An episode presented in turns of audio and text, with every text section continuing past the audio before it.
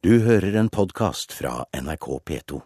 Klokka nærmer seg fem over åtte, og det blir helse i Kulturnytt i dag, programleder Ugo Fermariello. Helse og ikke minst data, og hvordan data kan hjelpe oss til bedre helse. Helsevesenets satsing på såkalte helseapper er for dårlig, mener IKT Norge, bransjens egen interesseorganisasjon. I dag finnes det antageligvis over 40 000 dataprogrammer for smarttelefoner og nettbrett for alt fra røykeslutt til blodsukkermåling. I går la Kreftforeningen frem en ny app til hjelp for unge pasienter. Hva er det vi ser her, da? Eh, det her er tidslinjen, og så er det her de fra... Under en presentasjon i Oslo sentrum får helseminister Jonas Gahr Støre demonstrert Kreftforeningens nye app som skal hjelpe kreftsyke ungdommer. Der vi har tatt bilde av eh, da vi satt og jobba solte hverandre i hendene. Sånn.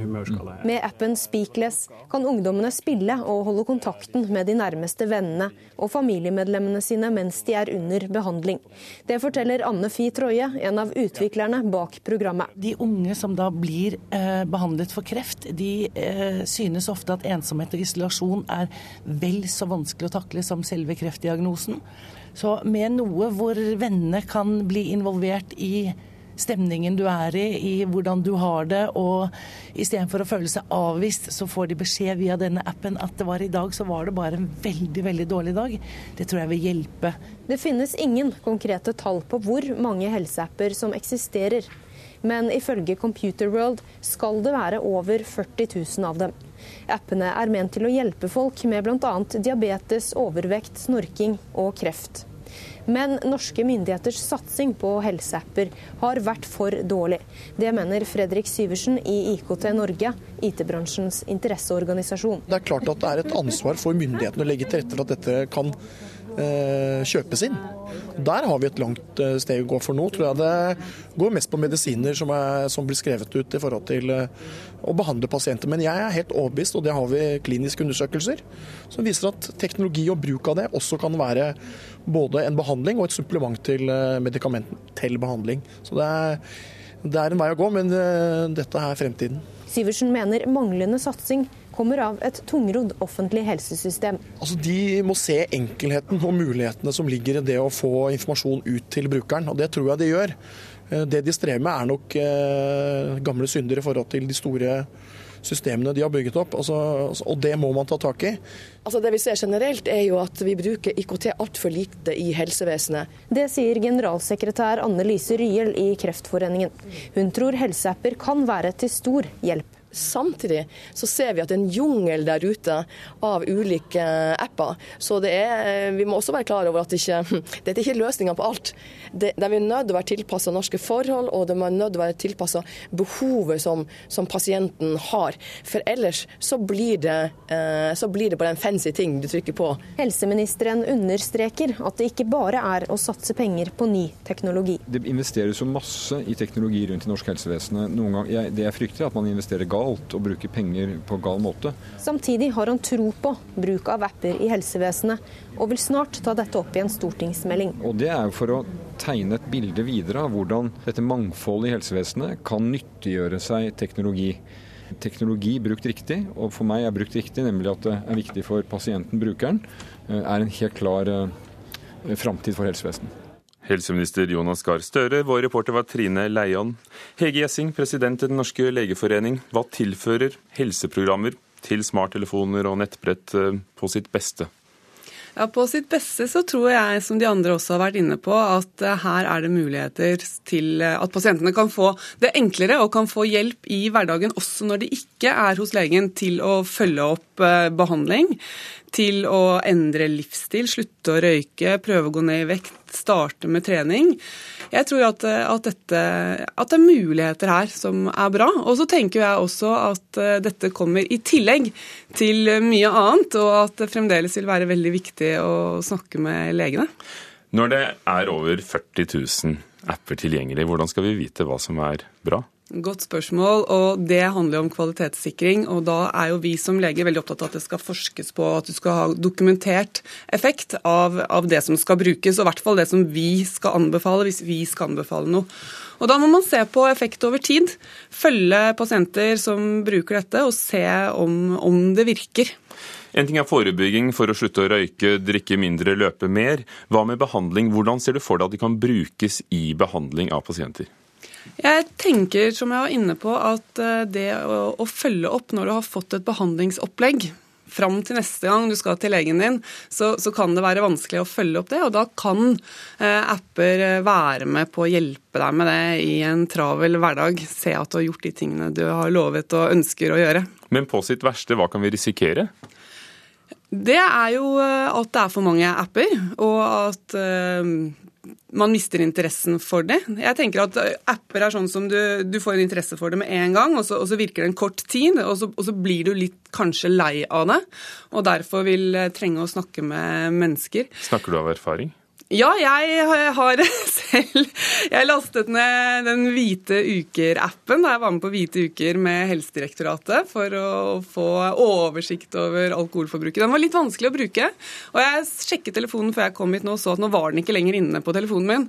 Så, mm. Men nå har vi snakket om eh, hva disse programmene kan gjøre for pasientene. Men hvordan kan dere som helsepersonell uh, bruke det mer? For det er vel det IKT Norge også mener, at helsevesenet burde brukt det mer selv? Ja, det de sier er jo at det er en enorm utvikling når det gjelder teknologi i helsevesenet, og at vi ikke utnytter ennå fullt og helt de mulighetene som ligger der. og Det er jeg enig i.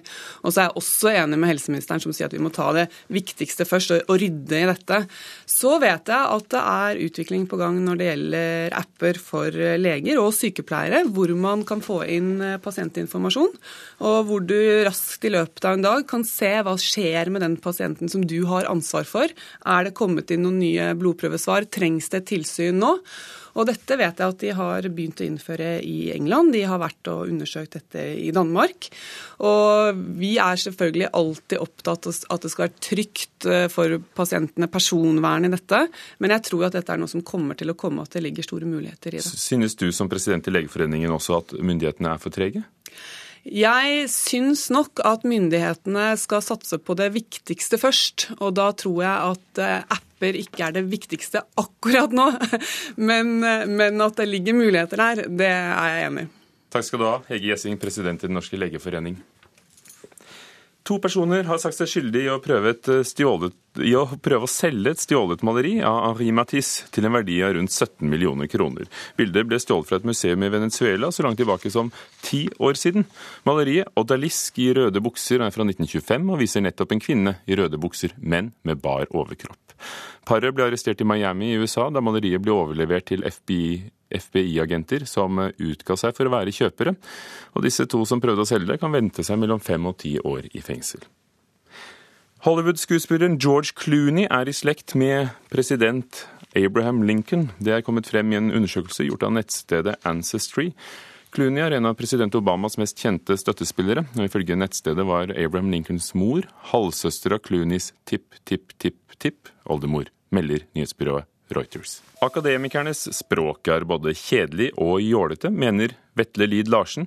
For hva hjelper det å redde verden dersom mora di ikke skjønner hva du driver med, spør forfatteren. I går møtte han studenter ved Universitetet i Tromsø med råd om hvordan de kan unngå at publikum sovner. Jeg tror han blir å kjefte ganske mye, det er jeg helt overbevist om. Doktorgradsstipendiat Kajsa Møllersen sitter klar på andre rad. Kajsa vet litt om forskningsformidling. Tidligere i år deltok hun i Forsker-Grand Prix. Etter to runder på scenen nærmer det seg en avgjørelse. Dommerne har sagt sitt, det samme har publikum. Ja, fortell nå, hvem var den dyktigste formidleren? Det er Kajsa! Men ikke alle akademikere er prisvinnende formidlere. Hei dere, kan dere høre meg? Ja. Vetle Lid Larsen tar plass foran Kajsa og andre akademikerspirer ved Universitetet i Tromsø. Han mener det akademiske språket er kjedelig og fullt av døde fagtermer. Nei, altså, Det akademiske språket har et problem, som det har hatt tidligere i historien, men nå syns jeg det er ganske akutt. og Det er at mye av den faglitteraturen som skrives, som skal formidle sentrale innsikter på diverse områder til nye generasjoner, mye av den litteraturen er rett og slett kjedelig. Den er dårlig skrevet, den er tung og uforståelig, og den fører til at mange hater å gjøre noe som egentlig er spennende, nemlig å ta til seg ny kunnskap. Jålete? Jålete også, fordi det er veldig mye jålere innenfor akademia. Mye av det som skrives, skrives for en engere krets. Man liksom tilhører sitt eget lille kretsløp og er ikke så veldig opptatt av verden utenfor. Så er det, det er rett og slett eh, gørr, veldig mye av det. Og jeg syns at akademikerne nå bør skjerpe seg. Står ikke på motvilje ofte. Er, altså Evnene er litt ujevnt uh, fordelt. Fra Oslo så leser debattredaktør i Aftenposten Knut Olav Åmås også mange blodløse akademikerartikler. Jeg holder sjøl ganske mange foredrag for akademikere, universitetsfolk, høyskolefolk eh, hvert år om å skrive, om å være i offentligheten. Og, og, det er ofte et ganske stort strev med å få de til å eh, få fram poengene tydelig. Eh, få fram poenger i det hele tatt. Bevisstgjøre om hva de egentlig mener i teksten, og ikke skrive helt generelt. Så takk for meg. Lykke til. Hei, Vetle. Hei, hyggelig. Etter foredraget så møtes prisvinneren og forfatteren. For det er, det er kneik å komme over, altså. Det er faen i meg vanskelig å komme over den uh, populærvitenskapelige knekka, altså. Men, men også, er det ikke også litt at man liksom ser litt ned på liksom ordet popularisator? altså Det er liksom noe mindreverdig. Konsekvensene, det som bekymrer meg mest, er at det kommer nå en ny generasjon som kanskje er enda vanskeligere å nå enn tidligere. De er vant til en, en type hurtighet, de er vant til en dataspill, TV-verden. Og det da skulle liksom ta for seg eh, et norsk historieverk, det kan bli en uoverstigelig hindring. Det må være enda bedre, det må være et strammere dramaturgi, det må være bedre skrevet. Man må greie å levendegjøre det i utgangspunktet så spennende stoffet på en enda bedre måte enn det man gjør i dag. Jålete og kjedelig, har, eh, har, han rett i det? Jeg vil si at en uh, virkelig god forskningsartikkel ikke handler så mye om dramaturgi. Og hvis jeg skal lese en artikkel, så vil jeg helst ha konklusjon i første setning. Nei, men han sa at den skulle komme til slutt. Ja, der er vi uenige. Der er vi helt uenige. Men, eh, men det er greit. Jeg tror ikke han har lært, lest så mange fagartikler i matematikk og statistikk. Det er også helt greit. Og det var reporter Karoline Rugeldal som hadde vært på konferanse om akademikernes språk i Tromsø. Bloggeren Eivind Berge kan bli arrestert igjen hvis han oppfordrer til flere politidrap. I sommer avgjorde Høyesterett at et utsagn på en blogg ikke kan være straffbart fordi det ikke er offentlig i lovens forstand. En lovendring fra regjeringen vil snart endre på dette, sier statssekretær i Justisdepartementet Pål Lønseth. Ja, Det vil gå ut på at man likestiller ytringer på internett og i bloggsfæren med, med tradisjonelle ytringer i f.eks. avisinnlegg og den type medium. Det bør i hvert fall være straffbart når det er den type uttalelser som vi her snakker om. Trugsmål med den virtuelle pennen vil dermed bli like hardt straffa som trugsmål skrevet med blekk. Forslaget til lovendring kom i kjølvannet av arrestasjonen av bergenseren Eivind Berge i sommer.